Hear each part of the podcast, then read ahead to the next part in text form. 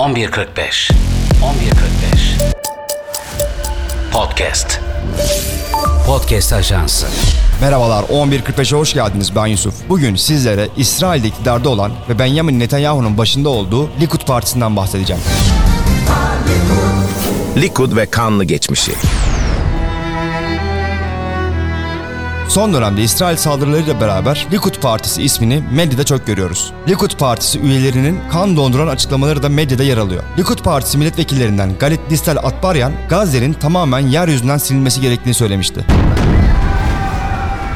Ya da Dani Danan adlı bir milletvekili Filistinlileri başka ülkelere göndermek için planlar yapmalıyız diye Netanyahu'ya gitmiş. Netanyahu da hali hazırda bu planlar ile ilgili çalıştığını söylemişti. Ama bu Likud Partisi nasıl bir ideolojik yapıda, nasıl bir geçmişe sahip ki bu tarz radikal söylemleri hiç çekinmeden söyleyebiliyor. Likud, İsrail'de önemli bir sağcı parti. Kimilerine göre aşırı sağcı bir parti. Parti görüşlerini Siyonizm, sağ popülizm ve İsrail milliyetçiliği üzerine inşa ediyor. Likud birleşim anlamına geliyor. Parti, Menahem Begin ve Beyrut kasaba olarak da bilinen Ariel Sharon tarafından 1973 yılında kuruluyor. Ariel Sharon ve Menahem Begin.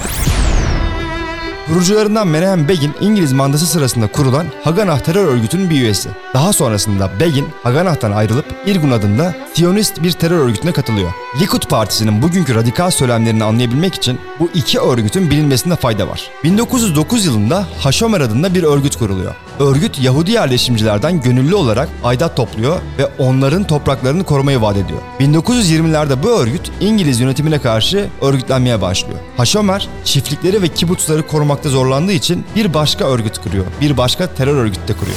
Hagana.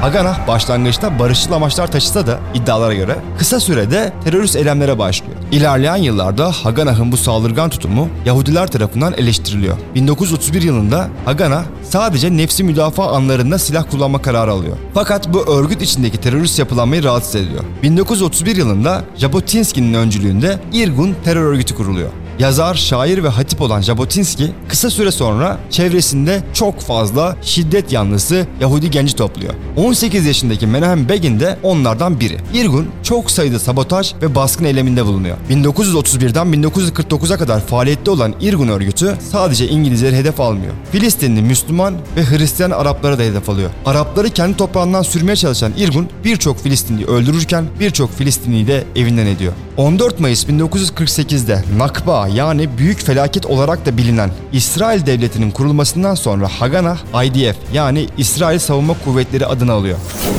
IDF. Bir terör örgütünden bir anda bir devlet kurumuna dönüşüyor. Irgun bu bağımsızlıktan sonra İsrail içinde bile terör örgütü haline geliyor. Bunun üzerine Begin örgütün faaliyetlerini yer altına çektiğini açıklıyor. 1948 Arap-İsrail Savaşı'nda İsrail Savunma Kuvvetleri Irgun'a silah tedarik ediyor ve bu terör örgütünü bu savaşta kullanıyor. Savaştan sonra 1949'da Irgun'u dağıtan Begin, bugünkü Likud Partisi'nin öncülerinden olan aşırı milliyetçi Herut Partisi'ni kuruyor. Fakat İsrail'de o dönem özellikle Arap-İsrail Savaşı'ndan sonra sol ya da liberal sol partiler daha domineydi. 1973 yılına gelindiğinde Ariel Sharon Begin'e bir teklif yapıyor. Küçük sağ partileri toplayarak Likud Partisi'ni kuruyorlar bu şekilde. Bu yıllarda İsrail solu gerek Yom Kippur Savaşı yüzünden gerekse aralarındaki güç mücadeleleri yüzünden zayıflıyor. Bu zayıflamada 1967'den sonra enternasyonel sosyalist grupların Filistin'e verdiği desteğinde payı büyük. Halk sol görüşe karşı antipati beslemeye başlıyor dönemde. Bu süreci çok iyi tahlil eden eski terörist, yeni siyasetçi Begin popülist sağ söylemlerini arttırıyor ve 1977 yılında şu an İsrail'in dış politikası haline gelen cümleyi kuruyor. Akdeniz ve Ürdün arasında yalnızca İsrail egemenliği olacak. Likud ve kanlı geçmişi. Bu söylemlerle 1977 yılında iktidara geliyor Likud ve bu süreçten sonra İsrail siyasetini domine etmeye başlıyor. Begin ile ilgili hemen komik bir bilgi verelim. Irgun'un en önde gelen isimlerinden olan Begin'in Nobel Barış Ödülü var. Partinin bir diğer kurucusu Ariel Sharon'a bakalım bir de. Sharon bir asker. Haganah IDF olduktan sonra IDF içerisinde Unit 101 adında bir örgüt kuruyor, bir tim kuruyor. Sharon bu timin başında Gazze'de vahşi operasyonlar gerçekleştiriyor ve bu yüzden de bu birim terör birimi olarak anılmaya başlıyor. Özellikle El Buraya mülteci kampına yaptıkları baskın sivillere karşı ne kadar acımasız ve sorumsuz olduklarını gösteriyor. Sharon ve Unit 101 sivil kayıpları umursamadan operasyonlar yapıyor ve bu kanlı operasyonlar sadece terörizm değil, aynı zamanda insanlığa karşı suç ögeleri de barındırıyor. Gelelim Beyrut kasaba lakabına. Ariel Sharon'un Beyrut kasabı olarak anılmasının temel nedeni 1982 yılında Lübnan'da gerçekleştirilen Sabra ve Şatile katliamı.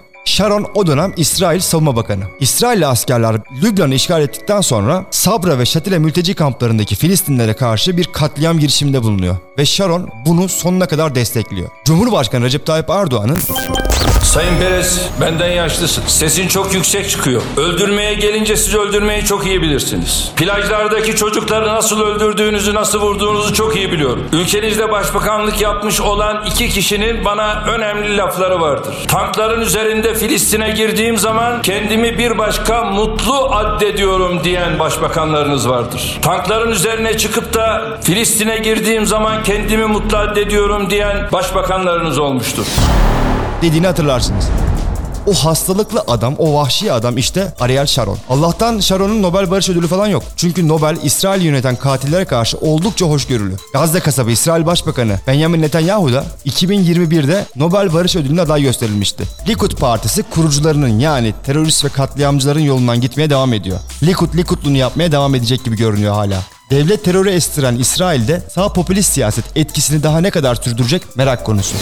Bir sonraki podcast'te GDH'da görüşmek üzere. 11.45 11.45 Podcast.